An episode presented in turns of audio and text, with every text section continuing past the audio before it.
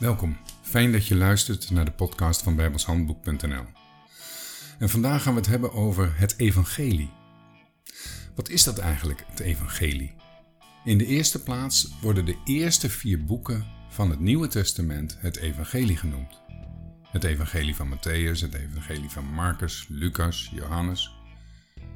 Maar daar is niet alles mee gezegd. Want eigenlijk is de Bijbel één groot evangelie. Evangelie betekent blijde boodschap. Maar wat is dan die boodschap? Het komt erop neer dat de blijde boodschap de boodschap is dat Christus gestorven en begraven is, maar op de derde dag werd opgewekt uit de doden. En het gevolg daar weer van is dat God ons zo bekwaam gemaakt heeft hij heeft het mogelijk gemaakt dat wij Hem kunnen dienen. En voordat we verder gaan met het Evangelie te bespreken, gaan we nog eens even de boel lekker relativeren. Een normaal mens gaat na verloop van tijd gewoon dood. Hoe je het ook wendt of keert, dat gebeurt. Daar is niets vreemd aan, want dat zijn we zo gewend. Dat doodgaan komt volgens de Bijbel door de zonde. Let op, niet door de zonden, maar door de zonde. Dit is onze zondige natuur. Zo zijn we geboren, zondig.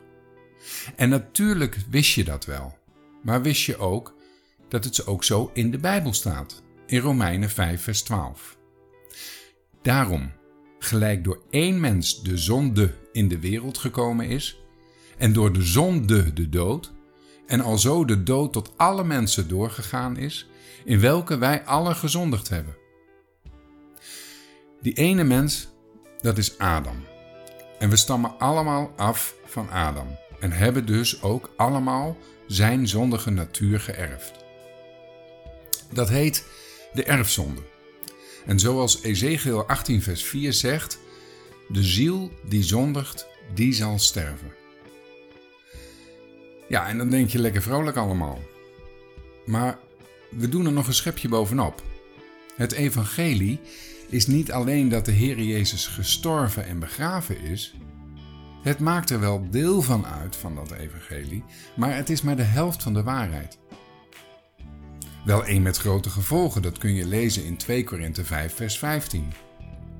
Als die dit oordelen, dat Indien één voor alle gestorven is, zij dan alle gestorven zijn. Nou, mooi is dat. Doordat de Heer Jezus voor ons aan het kruis stierf, zijn wij zelf ook dood. Wat heb je daar dan aan?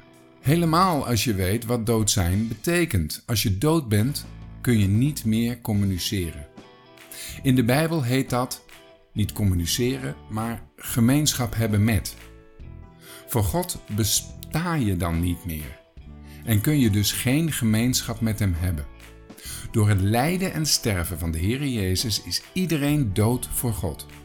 Er is geen communicatie meer met Hem mogelijk.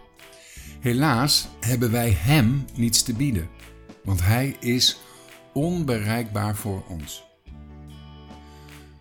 Dat is bepaald geen blijde boodschap. Maar het vers stopt daar Gelukkig niet. Want lees maar verder.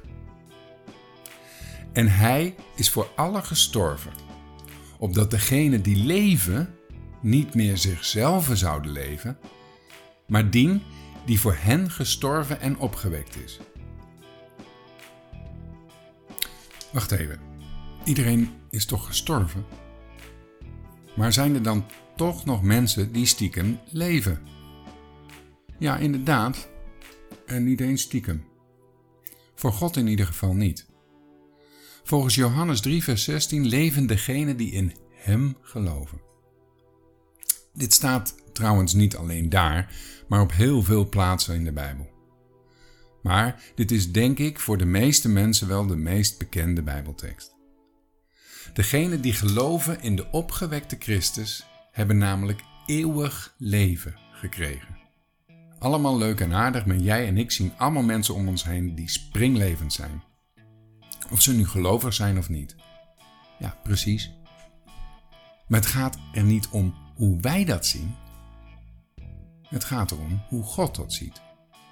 En volgens 2 Korinthe 5 vers 15 zijn dus alle mensen voor God gestorven.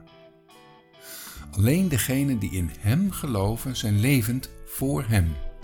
Voor eeuwig en altoos. En dat is de Bijbelse uitdrukking. Voordat het altijd zo zal blijven. Gelukkig heeft Hij ons alles te bieden. En de volgende keer gaan we verder met het bespreken van het Evangelie.